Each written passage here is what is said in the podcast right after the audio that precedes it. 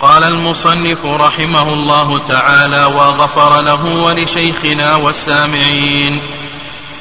السابع في سبيل الله وهم الغزاة المتطوعة أي لا ديوان لهم. الثامن ابن السبيل المسافر المنقطع به دون المنشئ للسفر من بلده فيعطى قدر ما يوصله إلى بلده. ومن كان ذا عيال أخذ ما يكفيهم ويجوز صرفها إلى صنف واحد ويسن إلى أقاربه الذين لا تلزمه مؤنتهم. فصل. ولا يدفع إلى هاشمي ومطلبي ومواليهما ولا إلى فقيرة تحت غني منفق ولا إلى فرعه وأصله ولا إلى عبد ولا إلى عبد وزوج وإن أعطاها لمن ظنه غير أهل فبان أهلا أو بالعكس لم يجزئ إلا غنيا ظنه فقيرا. تقدم لنا في الدرس السابق أهل الزكاة ومن هم أهل الزكاة وأن الله سبحانه وتعالى حصرهم في ثمانية في ثمانية أصناف. الصنف الأول الفقراء. وهم الذين لا يجدون شيئا أو يجدون أقل من نصف الكفاية. والصنف الثاني المساكين. وهم الذين يجدون أكثر كفايتهم أو يجدون نصف الكفاية فأكثر. لكنهم لا يجدون تمام الكفاية فهذان الصنفان يعطيان من الزكاة تمام الكفاية أو الكفاية التامة. فإذا كان مرتبه في السنة عشرة آلاف ريال إذا كان مرتبه في السنة عشرة آلاف ريال وكفايته هو وأهله تساوي عشرين ألف ريال من النفقات الشرعية والحوائج الأصلية يبقى عليه عشرة آلاف فهذا نعطيه من الزكاة عشرة آلاف. ثم بعد ذلك العاملون على الزكاة. وذكرنا من العاملون على الزكاة. وأنهم الذين يبعثهم الإمام بجباية الزكاة والقيام عليها. فهؤلاء يعطون حتى ولو كانوا أغنياء لأن أخذهم بسبب العمل لا بسبب الحاجة. فيعطون قدر أجرتهم. وذكرنا أيضا أن العاملين على الزكاة تشترط لهم شروط. وذكرنا هذه الشروط. كذلك أيضا المؤلفة قلوبهم. وهل سهم المؤلفة لا يزال باقيا أو أنه انقطع؟ ذكرنا كلام أهل العلم رحمهم الله في هذه المسألة. وذكرنا أيضا صور المؤلفة قلوبهم. كذلك أيضا الرقاب. من هم الرقاب؟ وذكرنا أن الرقاب يشمل المكاتبين يعني الرقيق الذي كاتبه سيده. فهذا نعطيه من الزكاة ما يسدد به دين الكتابة كذلك أيضا يشمل أن نشتري بأموال الزكاة رقابا أرقا ثم نقوم بإعتاقهم والصورة الثالثة أن نفك أسار المسلمين الذين عند الكفار بأموال الزكاة. كذلك أيضا الغارمون. من هم الغارمون؟ وذكرنا أن الغرم ينقسم إلى قسمين.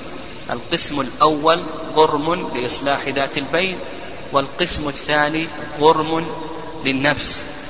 بمعنى أن يقترض الشخص أموالا من أجل نفقاته الشرعية أو حوائجه الأصلية. ونحو ذلك. وذكرنا الصور الداخلة تحت آه، آه، صنف الغارمين. كذلك أيضا في سبيل الله. من المراد أو ما المراد في سبيل الله؟ وذكرنا أن جمهور العلماء أن المراد بسبيل الله هم الغزاة الذين لا رواتب لهم هم الغزاة الذين الجند الذين يخرجون للجهاد في سبيل الله وليس لهم رواتب. والرأي الثاني رأي المالكية وأن المراد بسبيل الله هو كل ما يتعلق بالجهاد في سبيل الله من رواتب الجند ومن شراء الأسلحة والذخائر وآلات الجهاد وما يحتاج إلى الجهاد في سبيل الله وذكرنا أن هذا أشمل. كذلك أيضا بقينا في مسألة اختلف فيها العلماء رحمهم الله تعالى هل قول الله عز وجل وفي سبيل الله هل هو خاص بالجهاد في سبيل الله أو أنه يشمل كل طرق الخير؟ وأن العلماء رحمهم الله اختلفوا في ذلك على قولين أو على أقوال. القول الأول لكن أشهر هذه الأقوال ثلاثة. القول الأول أن المراد في سبيل الله هو الجهاد على حسب الخلاف السابق. هل هو خاص بالجند أو أنه شامل لكل ما يحتاج إليه الجهاد.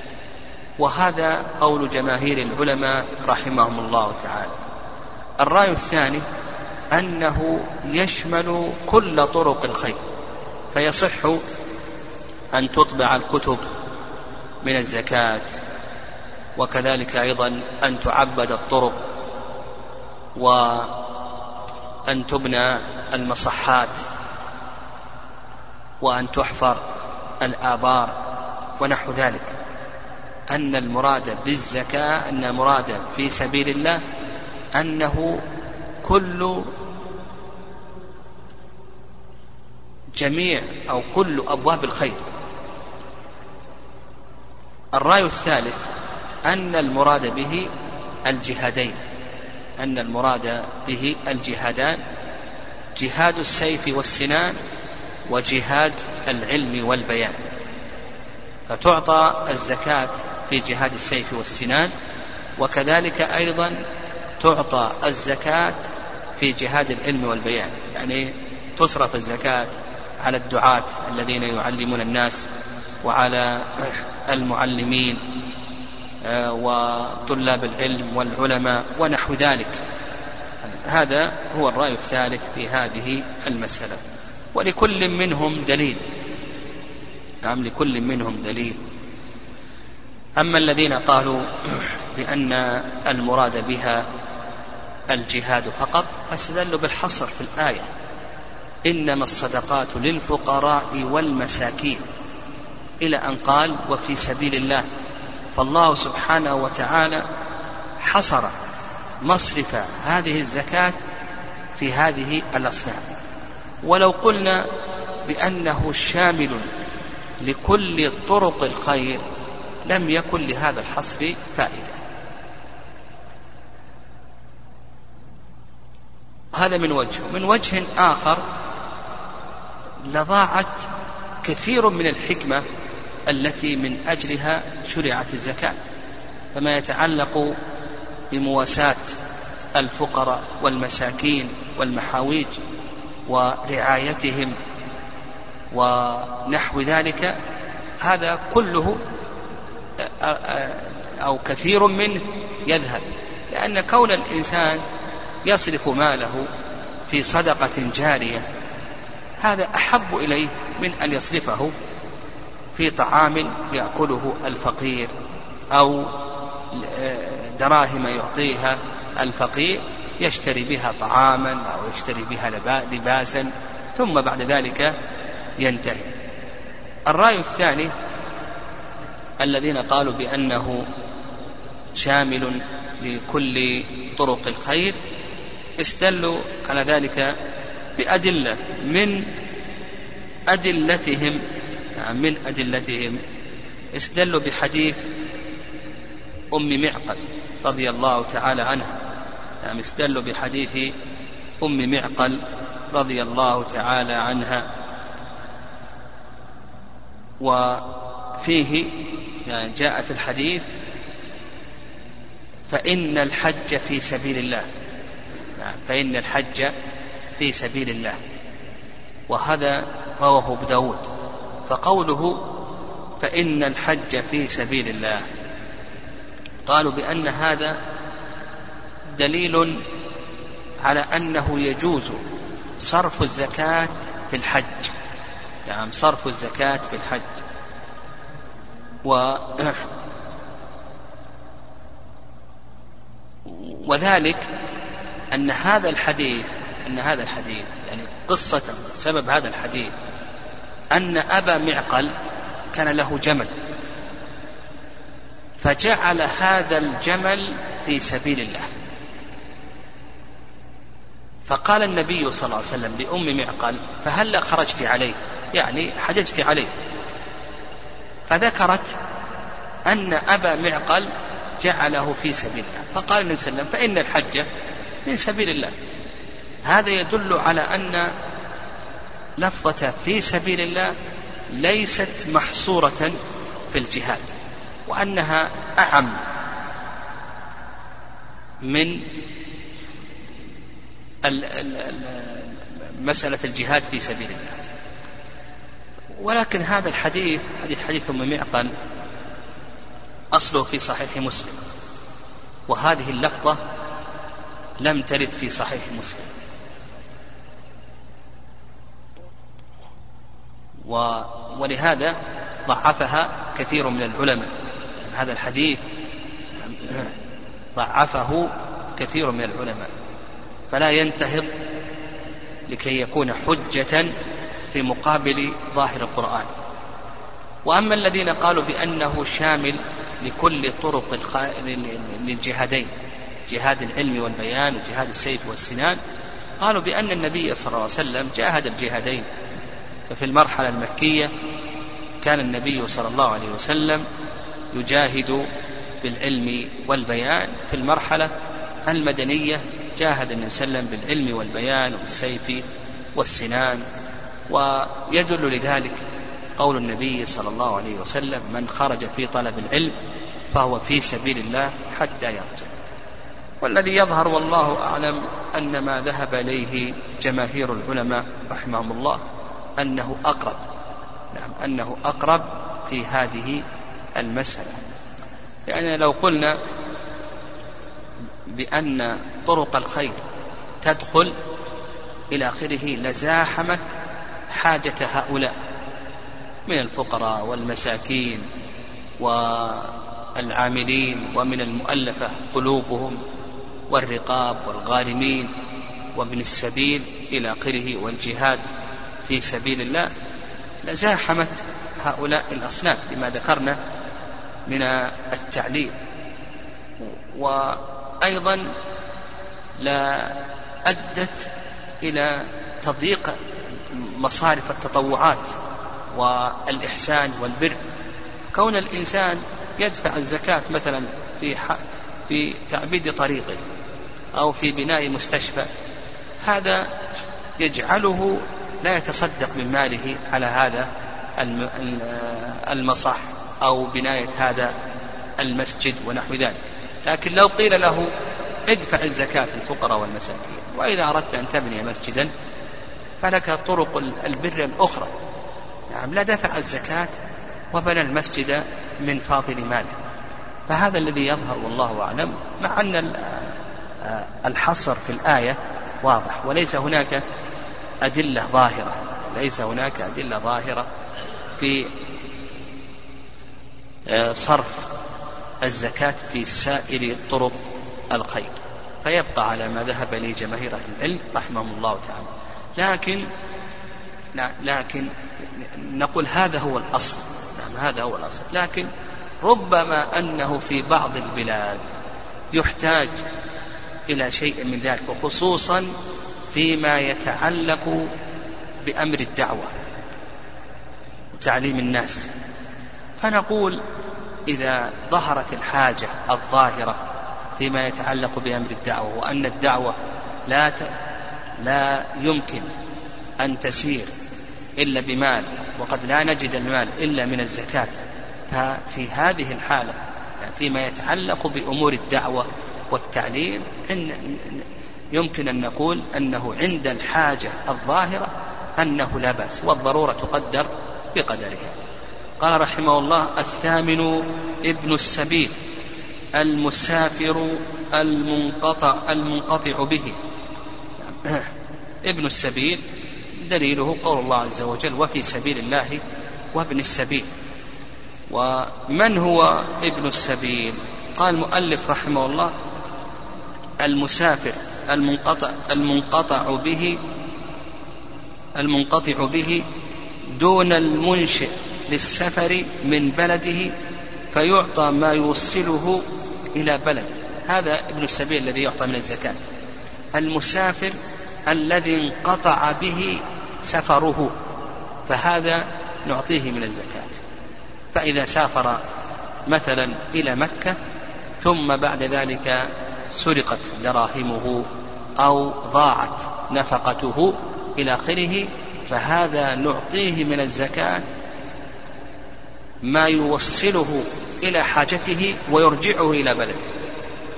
يعني آه ليس المراد أن نعطيه من الزكاة ما يرجعه إلى بلده. لا بل نعطيه من الزكاة ما يوصله إلى حاجته فهو الآن يحتاج إلى أن يذهب إلى مكة لأجل العمرة أو لأجل العلاج.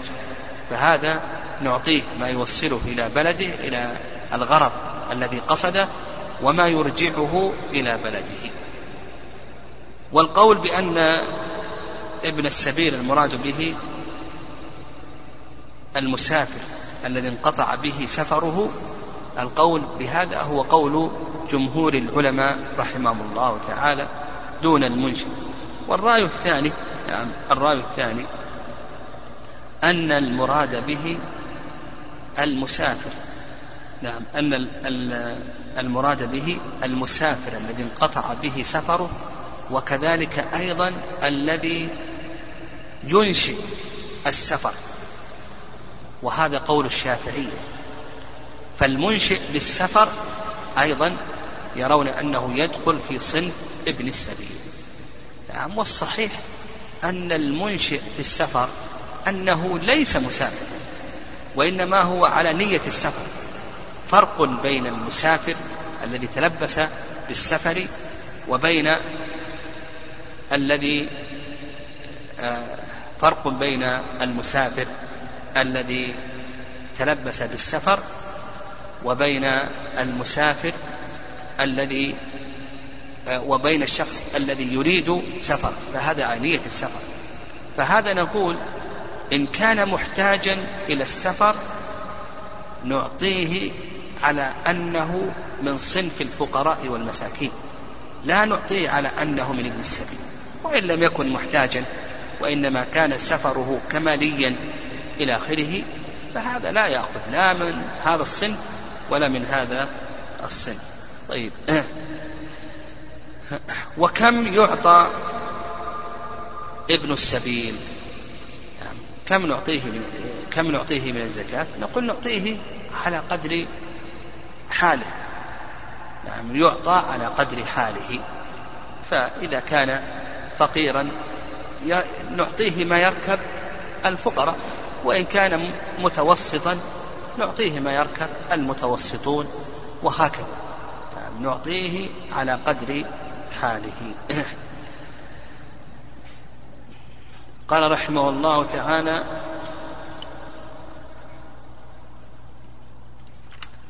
وكما تقدم لنا أنه إذا انقطع به السفر فإننا نعطيه ما يوصله إلى قرضه ويرجعه إلى بلده ما دام أنه محتاج إلى ذلك السفر. أما إذا كان غير محتاج إلى ذلك السفر الذي سافر إليه فإننا نعطيه ما يرجعه إلى بلده. قال رحمه الله تعالى ومن كان ذا عيال أخذ ما يكفيه هذا تقدم الكلام عليه وبينا ما يأخذه الفقير وكذلك أيضا ما يأخذه المسكين وأن كل منهم يأخذ الكفاية التامة أو تمام الكفاية. قال ويجوز صرفها إلى صنف واحد. يقول المؤلف رحمه الله يجوز أن تصرف الزكاة إلى صنف واحد ولا يجب أن تجزأ ثمانية أجزاء. والمؤلف رحمه الله تعالى ذكر هذا القول مع ظهوره ردا لخلاف الشافعية فإن الشافعية رحمهم الله يرون أن الزكاة تجزأ إلى ثمانية أصناف. فيصرف صنفا للفقراء وصنفا للمساكين وصنفا للعاملين كما جاء في الآية.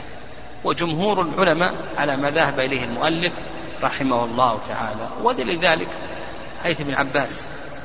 لما بعث النبي صلى الله عليه وسلم معاذ اليمن وفيه فإنهم أطاعوك لذلك فأخبرهم أن الله افترض عليهم صدقة تؤخذ من أغنيائهم وترد على فقرائهم. وكذلك أيضا حيث قبيصة في صح مسلم. أقم عندنا يا قبيصة حتى تأتينا الصدقة فنأمر لك بها. وأما الشافعية رحمهم الله تعالى فيستدلون بقول الله عز وجل إنما الصدقات الفقراء والمساكين والعاملين عليها والمؤلفة قلوبهم إلى آخر الآية فقالوا بأن الله سبحانه وتعالى ذكر الأصناف إلى آخره. و والجواب عن هذا نعم. الجواب عن هذا أن كون الله عز وجل يأتي بلام التمليك إنما الصدقات للفقراء. لا يمنع. يعني هو مش دليل الشافعية. يقولون بأن الله سبحانه وتعالى أتى ببناء التمليك. إنما الصدقات للفقراء والمساكين والعاملين عليها والمؤلفة قلوبهم إلى آخره. فهذا يدل على أن هؤلاء جميعا يملكون. فلا بد أن تقسم عليه. لكن نقول كونه يؤتى بلام التمليك هذا لا يلزم من ذلك أن تجزى الزكاة إلى آخره لما تقدم من أدلة الجمهور. قال رحمه الله تعالى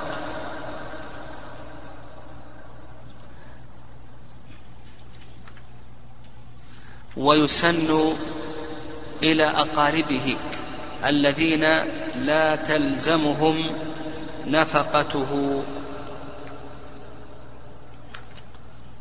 يقول المؤلف رحمه الله تسن أن تدفع الزكاة إلى أقاربه الذين لا تلزمه نفقتهم لقول النبي عليه الصلاة والسلام في حديث زينب امرأة بن مسعود كما ثبت في الصحيح. قال النبي صلى الله عليه وسلم لها أجر الصدقة وأجر القرابة. لها أجر الصدقة وأجر القرابة. ويفهم من كلام المؤلف رحمه الله أنه إذا كان القريب يجب عليك أن تنفق عليه فإنه لا يجوز لك أن تعطيه من الزكاة. لأنه مستغن بنفقتك عليه. ولأنك إذا أعطيته الزكاة مع أنه يجب عليك أن تنفق عليه تكون حميت مالك بالزكاة. فإذا كان هذا الفقير يجب عليك أن تنفق عليه فإنه لا يجوز لك أن تعطيه من الزكاة أولا لأنه مستغن بالنفقة ولا حظ فيها لغني ولا لقوي مكتسب. وثانيا أنك تكون وقيت مالك بزكاتك لأنك إذا أعطيته الزكاة فيستغني بالزكاة عن نفقتك فتكون وقيت مالك بزكاتك. ومن هم الفقراء الذين يجب على الشخص أن ينفق عليهم؟ هذا سيأتينا إن شاء الله في باب النفقات بإذن الله عز وجل. هذا سنتكلم عليه إن شاء الله في باب النفقات. المهم نفهم هذه المسألة وأنه إذا كان الشخص يجب عليك أن تنفق عليه فإنه لا يجوز لك أن تعطيه من الزكاة. قال المؤلف رحمه الله تعالى فصل ولا تدفع إلى هاشمي. قل كالمؤلف رحمه الله لا تدفع الزكاة إلى هاشم. يعني يعني بني هاشم.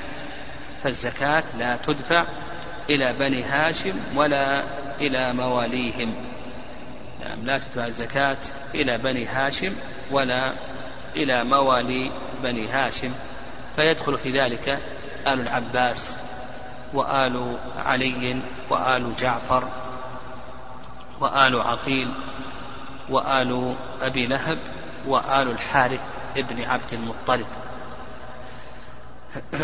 ويدل لذلك ما تقدم لنا من قول النبي صلى الله عليه وسلم إن الصدقة لا تنبغي لمحمد ولا لآل محمد إنما هي أوساق الناس. وأيضا حديث أبي هريرة رضي الله تعالى عنه وفيه قول النبي صلى الله عليه وسلم إنا لا نأكل الصدقة. إنا لا نأكل الصدقة.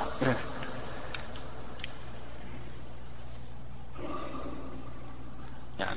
لكن استثنى العلماء رحمهم الله من ذلك ما إذا كان مؤلفا قلبه فيعطى حتى ولو كان من بني هاشم أو كان غارما لإصلاح ذات البين. فيعطى حتى ولو كان من بني هاشم أو كان غازيا فيعطى حتى ولو كان من بني هاشم. فإذا كان غازيا أو كان مؤلفا قلبه أو كان غارما لإصلاح ذات البين لهذه الصور الثلاث نعطيه من الزكاة حتى ولو كان من ذوي القربى من بني هاشم. كذلك أيضا لا تدفع لموالي بني هاشم لقول النبي صلى الله عليه وسلم إن مولى القوم منهم. قال ولا مطلب. يقول المؤلف رحمه الله تعالى لا تدفع الزكاة للمطلبيين. يعني كما أنها لا تدفع للهاشميين أيضا لا تدفع للمطلبيين. وهذه المسألة خالف فيها المؤلف رحمه الله المشهور من المذهب. هذه المسألة خالف فيها المؤلف المشهور من المذهب. فالمشهور من المذهب أن بنو المطلب تدفع إليهم الزكاة لكن عند الشافعية نعم وهذا قول أكثر أهل العلم نعم قول أكثر أهل العلم أن بني المطلب تدفع لهم الزكاة. خلافا للشافعية. الشافعية يرون أن بني هاشم وبني المطلب لا تدفع لهم الزكاة. ودليلهم على ذلك قول النبي صلى الله عليه وسلم في حديث جبير بن مطعم. نعم قول النبي صلى الله عليه وسلم في حديث جبير بن مطعم بنو المطلب وبنو هاشم شيء واحد. بنو المطلب وبنو هاشم شيء واحد. والجواب عن هذا أن المقصود بقوله عليه الصلاة والسلام بنو المطلب وبنو هاشم شيء واحد المقصود في النصرة. نعم في النصرة. وكذلك أيضا في الخمس. يعني في النصرة والخمس. ولهذا شرك النبي صلى الله عليه وسلم بني المطلب بني هاشم في الخمس لأنهم ناصروا بني هاشم. إنما واعلموا أن ما غنمتم من شيء فأن لله خمسه وللرسول ولذي القربى واليتامى والمساكين وابن السبيل. سهم ذوي القربى خمس الخمس هذا لبني هاشم وشرك النبي صلى الله عليه وسلم بني هاشم بني المطلب فقال إنما بنو بنو هاشم بنو المطلب شيء واحد. وتشريكهم في استحقاق خمس الخمس من الغنيمة لا يلزم من ذلك أن يشاركوا بني هاشم في جميع الأحكام حتى في امتناع الزكاة. فالصواب في هذه المسألة أن بني المطلب لا يشاركون بني هاشم في الامتناع أو في تحريم آه، دفع الزكاة لهم. عبد آه، عبد مناف جد النبي صلى الله عليه وسلم له أربعة أولاد. هاشم والمطلب هاشم والمطلب ونوفل وعبد شمس. فبنو هاشم لا يجوز أن يعطوا من الزكاة ويأخذون من الخمس. المطلبيون يأخذون من الزكاة ومن الخمس يعني خمس الخمس.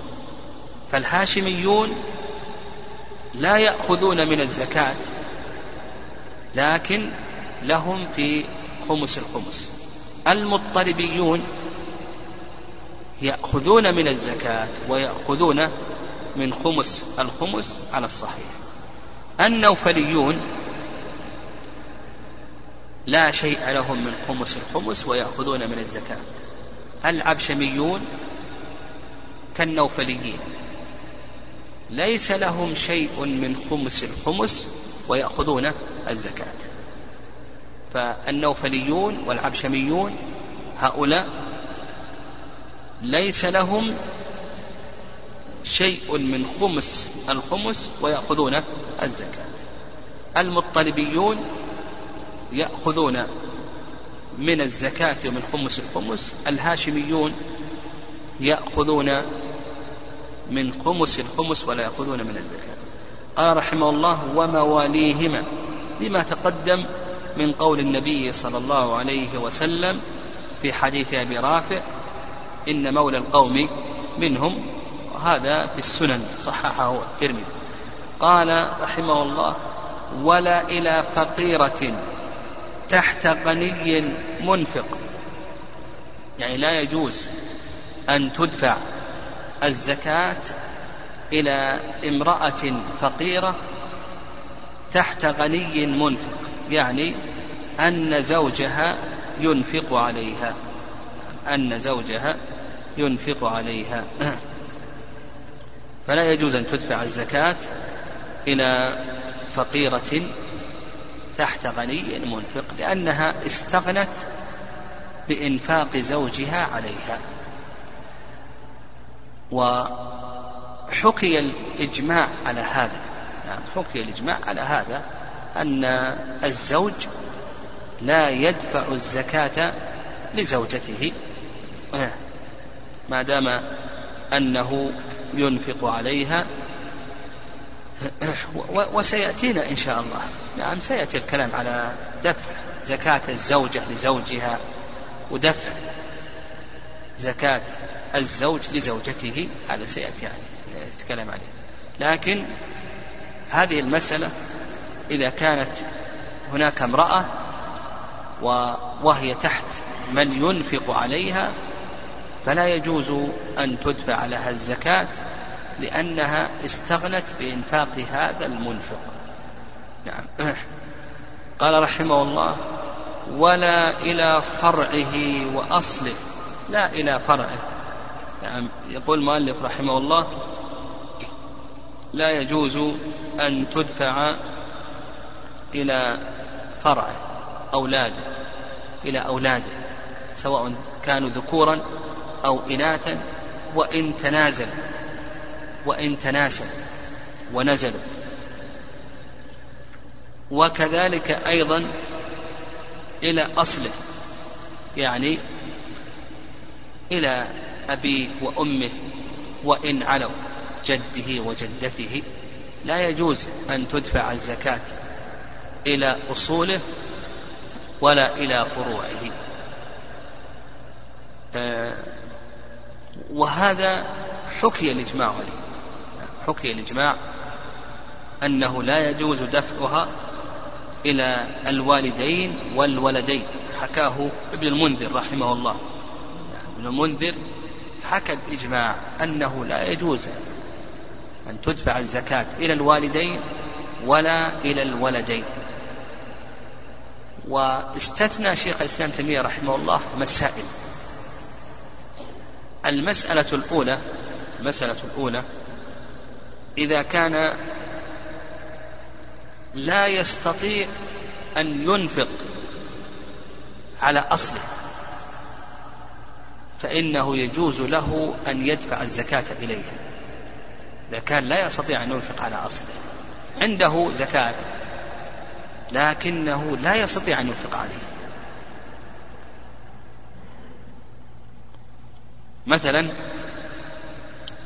عنده محل تجاري. المحل التجاري قيمته تساوي خمسين ألفا. خمسين ألف هذه كم زكاته زكاتها ألف ومئتين وخمسين. ألف ومئتين وخمسين. هو لا يستطيع أن ينفق على والديه لكنه يستطيع أن ينفق على أولاده لكن بالنسبة لوالديه لا يستطيع أن ينفق عليهم.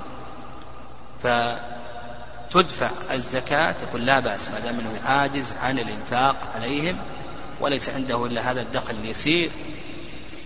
خمسين ألف مثلا ينفق عليه أو دخله في الشهر ثلاثة آلاف ثلاثة آلاف هذه ينفقها على أولاده ولا يتمكن من أن ينفق على والديه لا بأس أن يعطيهم من الزكاة. وهم أحق بها من الأجانب. فهذه المسألة رضي الله آه شيخ الإسلام رحمه الله استثناها. كذلك أيضا المسألة الثانية مما استثنى إذا كانت الزكاة في قضاء الدين الذي ليس سببه النفقة. فلا بأس أن تعطيهم من الزكاة. كانت في قضاء الدين الذي ليس سببه النفقة. مثلا هذا الأب حصل عليه جائحة.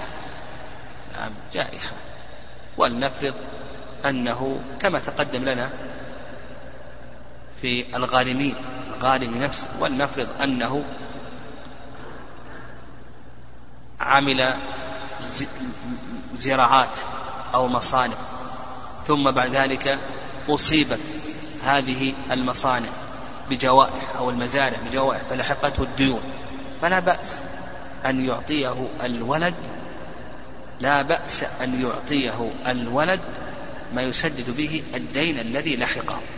لكن إذا كان الغرم بسبب النفقة فيجب عليه أن ينفق على أبيه. اشترى أبوه طعاما ليأكله ولحقه غرم يجب عليك أنك تشتري لأبيك الطعام لأنه يجب الأصول يجب أن تنفق عليهم مطلقا حتى وإن علوا حتى ولو كانوا من ذوي الأرحام. ولا يجوز أن تعطيهم من من من الزكاة. يعني جدك من قبل الأم العلماء كما سيأتينا في باب النفقات يقولون يجب عليك أن تنفق عليه.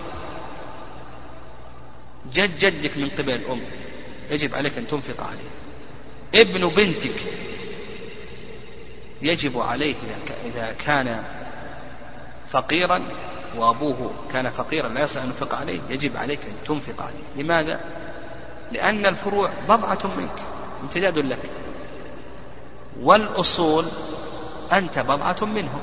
فإذا أنفقت على فرعك أو أصلك تكون أنفقت على أنفقت على نفسك. إذا أنفقت على أولادك هم بضعة منك قطعة منك تكون أنفقت على نفسك. ولهذا قال النبي صلى الله عليه وسلم فاطمة بضعة مني يريبها ما يريبني فالإنسان ما يصرف صدقته على نفسه. فتلخص لنا أن الفروع لا يجوز أن تصرف الزكاة إليها حتى وإن نزل حتى ولو كانوا من ذوي الأرحام كابن البنت وإن نزل. إلا في الصورتين ذكرنا. كذلك أيضا الأصول لا يجوز أن تصرف إليهم الزكاة حتى وإن علوا حتى ولو كانوا من ذوي الأرحام. طيب.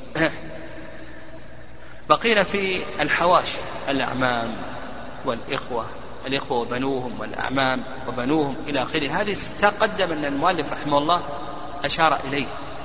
الحواشي إذا كان يجب عليك أن تنفق عليهم كأن تكون وارثا لهم. لأنه على المذهب متى يجب عليك أن تنفق على قريبك هذا؟ يشترط أن تكون وارثا له. لأن الله سبحانه وتعالى قال وعلى الوارث مثل ذلك. فإذا كنت وارثا له فإنه يجب أن تنفق عليه ولا يجوز أن تعطيه من الزكاة. أما إذا كنت غير وارث له كان تكون محجوبا لا تستطيع أن تن... آه نعم. لا, لا, تت... لا, لا ترثه محجوب. نفرض أنه لك أخ وله ابن. هذا الأخ لا ترثه لوجود الابن. فالابن يحجبك. هذا لا لا يجب عليك أن تنفق عليه لأنك لا ترثه. لا وعلى هذا يجوز لك أن تعطيه من الزكاة. لكن لو لم يكن له ابن يجب عليك أن تنفق عليه ولا يجوز لك أن تعطيه من الزكاة. وبعض العلماء يعني بعض العلماء يتساهل في مسألة الإخوة والأعمام الإخوة وبنيهم الحواشي يعني. الحواشي يقول الحواشي بأنهم ليسوا كالأصول والفروع إلى آخره. فالحواشي الإخوة وبنوهم والأعمام وبنوهم إلى آخره يتساهل في إعطائهم من الزكاة كما هو اختيار الشيخ عبد العزيز بن باز رحمه الله. لكن على المذهب كما تقدم إذا كنت ترثه كما ذكرنا ترث أخاك ليس هناك أب وليس له ابن ذكر حينئذ ترثه يجب عليك أن تنفق عليه ولا يجوز لك أن تعطيه من الزكاة. وإن كنت لا ترثه لا يجب عليك أن تنفق عليه ولك أن تعطيه من الزكاة. طيب. قال رحمه الله ولا إلى فرعه وأصله قال ولا إلى عبد يعني الرقيق لا يجوز لك أن تعطيه من الزكاة لأن الرقيق لا يملك ولو ملك فإن ملكه ضعيف. لو كان له مال فإن المال يعود إلى من؟ ها؟ إلى السيد من باع عبدا وله مال فماله لسيده إلا يشترط آه، فماله للذي باعه إلا أن يشترط المبتاع فماله للذي باعه إلا أن يشترط المبتاع فلو أعطى أن إلى لو أعطى الزكاة لهذا الرقيق فإن الزكاة ستكون لسيده وسيده ربما يكون غنيا. إذا أردت أن تعطي فأعط السيد إن كان فقيرا يستحق. أما إذا لم يكن فقيرا فإنه لا يستحق. فإذا أعطيت هذا الرقيق ستؤول هذه الصدقة إلى السيد وربما يكون السيد ماذا؟ يكون غنيا. قال وزوج أيضا يقول لك المؤلف رحمه الله تعالى لا لا يجوز إعطاء الزكاة إلى الزوج. وقبل ذلك إعطاء الزكاة للزوجة. هل يجوز إعطاء الزكاة للزوجة؟ هذا حكي الإجماع أنه لا يجوز للزوج أن يعطي زكاته لزوجته لأنها مستغنية مستغنية بإنفاقه. تنفق عليه. ينفق عليها. وما دام أنها مستغنية بإنفاقه عليها لا حاجة إلى أن يعطيها من الزكاة. هذا وجه. والوجه الثاني أنه إذا أعطاها من الزكاة فإنه يقي ماله بزكاته.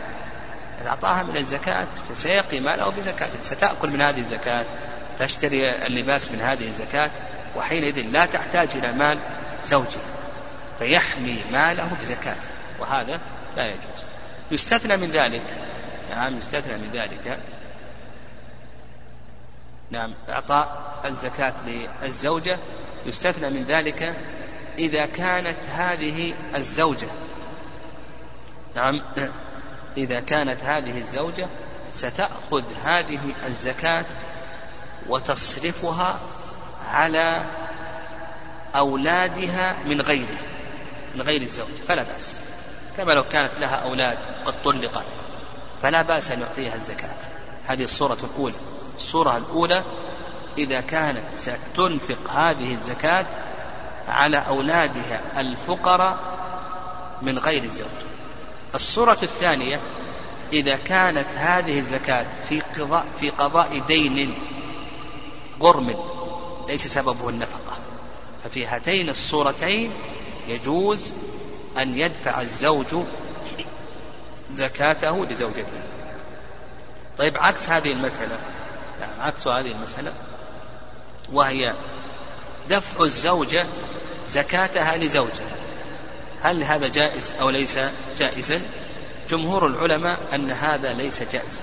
لا يجوز للزوجة أن تدفع زكاتها لزوجها. لماذا؟ لأن الزوجة إذا دفعت زكاتها لزوجها ستنتفع بهذه الزكاة. فالزوج سينفق هذه الزكاة على على زوجته. وحينئذ حينئذ تكون الزوجة انتفعت بهذه الزكاة. إما أن تنتفع مباشرة أو أن الزوج ينفق هذه الزكاة على أولاد الزوجة على أولاده من هذه الزوجة. وحينئذ تكون الزوجة وقت مالها لزكاتها لأنها إذا لم تدفع الزوجة الزكاة لزوجها ستضطر إلى ماذا؟ ها؟ تضطر إلى ماذا؟ إلى أن تنفق على أولادها يجب عليها أن تنفق على أولادها لكن إذا دفعت هذا المال إلى زوجها وأنفقه على أولادها بالطعام والشراب والملابس حمت مالها واقتصرت في نفقتها. فقالوا بأنه لا يجوز للزوجة أن تدفع زكاتها لزوجها. هذا قول جمهور أهل العلم لما ذكرنا من التعليلين. طيب الرأي الثاني الرأي الثاني رأي الإمام مالك رحمه الله تعالى وأنه يجوز للزوجة أن تدفع زكاتها لزوجها إذا كان سيصرفه إلى نعم يجوز إذا إذا كان سيصرف هذا المال على أولاده الفقراء من غيرها على أولاده الفقراء من غيرها. وعلى هذا نقول وفي رواية عن الإمام أحمد رحمه الله أن هذا جائز لحديث زينب امرأة ابن مسعود قال النبي صلى الله عليه وسلم زوجك وولدك أحق من تصدقت به عليه.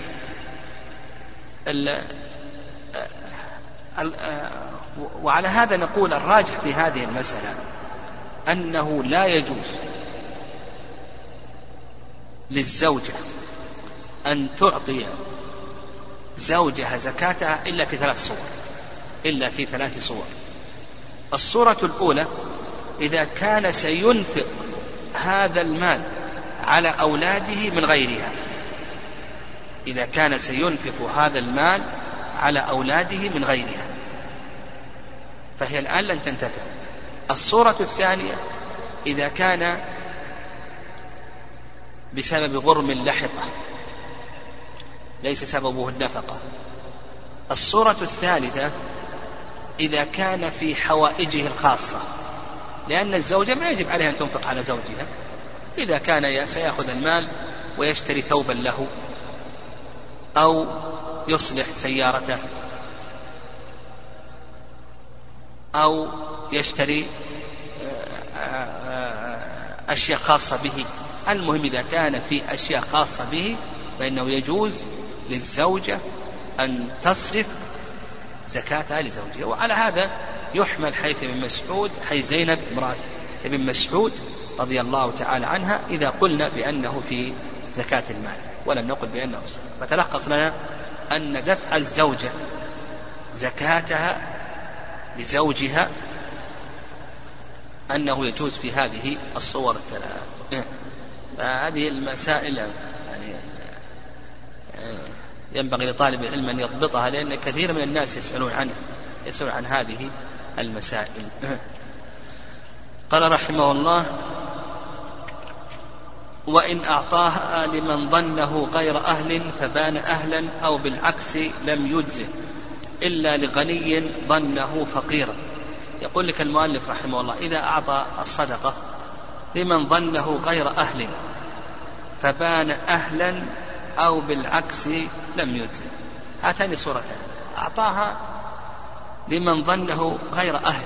يعني يظنه فقير يظنه غني وأعطاه الزكاة. يقول هنا لا تجزي كما ذكر المؤلف رحمه الله لأنه متعد بإعطائه. ما دام أنه يظن أنه غني لماذا تعطيه من الزكاة؟ فهو متعد بإعطاء. حتى لو تبين أنه فقير العبرة بالظن. فنقول لا تجزي. أو قال لك أو بالعكس. لمن ظنه أهلا فبان غير أهل يقول لك ما تجزي. ظنه مسافر ظنه مسافرا منقطع منقطعا به. ثم تبين أنه ليس مسافرا منقطعا به ليس من ألا ليس أهلا أو ظنه مجاهدا. ثم تبين أنه ليس مجاهدا ونحو ذلك.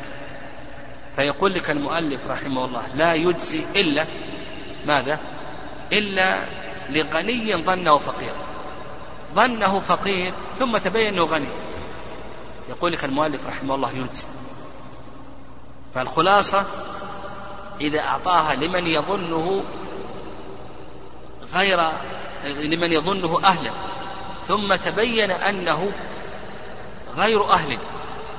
يقول لك المؤلف رحمه الله لا تجزي إلا في مسألة واحدة إذا أعطاها لغني يظنه فقيرا.